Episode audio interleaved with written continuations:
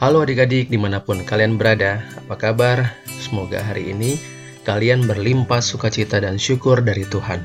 Kembali kita akan membaca firman Tuhan, mendengarkan, merenungkan, dan berdoa, supaya roh kudus memampukan kita untuk melakukannya pada saatnya nanti. Baik adik-adik sebelum kita membaca firman Tuhan dan merenungkannya, mari kita bersatu dalam doa. Bapa di surga, Tuhan kami Yesus Kristus, terima kasih saat ini kami kembali diperkenankan untuk membaca dan merenungkan firman-Mu. Ya Roh Kudus, pimpin kami dan berikan kami hikmat untuk dapat mengerti dan bimbing kami untuk dapat tetap terus melakukannya dalam kehidupan kami sehari-hari. Dalam namamu Yesus, kami sudah berdoa dan mengucap syukur. Amin. Firman Tuhan hari ini terambil dari 2 Timotius 3 ayat 16 sampai 17. Segala tulisan yang diilhamkan Allah memang bermanfaat untuk mengajar, untuk menyatakan kesalahan, untuk memperbaiki kelakuan, dan untuk mendidik orang dalam kebenaran. Dengan demikian, tiap-tiap manusia kepunyaan Allah diperlengkapi untuk setiap perbuatan baik. Demikianlah firman Tuhan. Adik-adik, fokus renungan kita ada pada ayat 16 2 Timotius 3. Segala tulisan yang diilhamkan Allah memang bermanfaat untuk mengajar, untuk menyatakan kesalahan, untuk memperbaiki kelakuan, dan untuk mendidik orang dalam kebenaran. Judul renungan kita hari ini, Todung Sultan Gunung Mulia.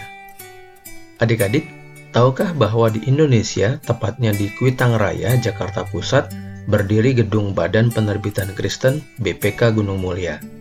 Badan usaha ini memang bergerak untuk mencetak dan menjual buku-buku ajaran Kristen. Banyak sekali orang Kristen yang mendapat berkat karena buku-buku yang dicetak dan dijual melalui BPK Gunung Mulia. Adik-adik juga bisa mendatangi toko buku BPK Gunung Mulia ini bersama keluarga. Banyak sekali buku-buku untuk anak-anak yang mengajarkan firman Tuhan. Sejarah berdirinya BPK Gunung Mulia ini dimulai dari seorang bapak yang bernama Todung Sultan Gunung Mulia.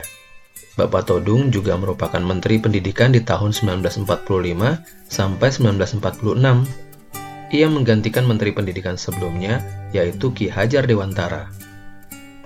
Bapak Todung juga merupakan salah satu pendiri Universitas Kristen Indonesia atau UKI tahun 1953. Mungkin nanti suatu hari setelah adik-adik besar akan kuliah di UKI yang didirikan oleh Bapak Todung.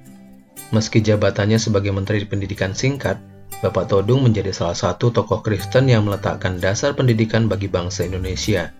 Selain itu, ia juga memiliki program untuk memperbaiki sarana dan prasarana pendidikan di Indonesia.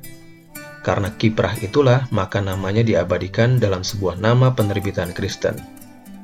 Ia meninggal pada usia ke-70, pada tahun 1966. Namanya mungkin dilupakan orang, sebagai pendiri penerbit buku Kristen dan Menteri Pendidikan kedua.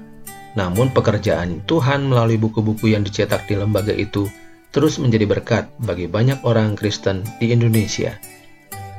Nah adik-adik, yuk kita sama-sama bertekad hari ini, aku mau membaca tulisan-tulisan yang diilhamkan Allah.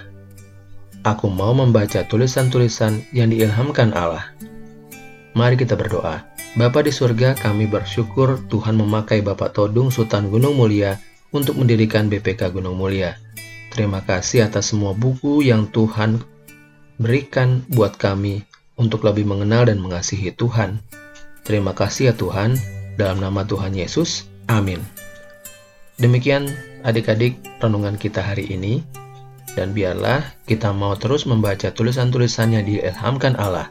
Dan tentunya membaca firman Tuhan, Alkitab setiap hari, untuk kita dapat bertumbuh di dalam Dia.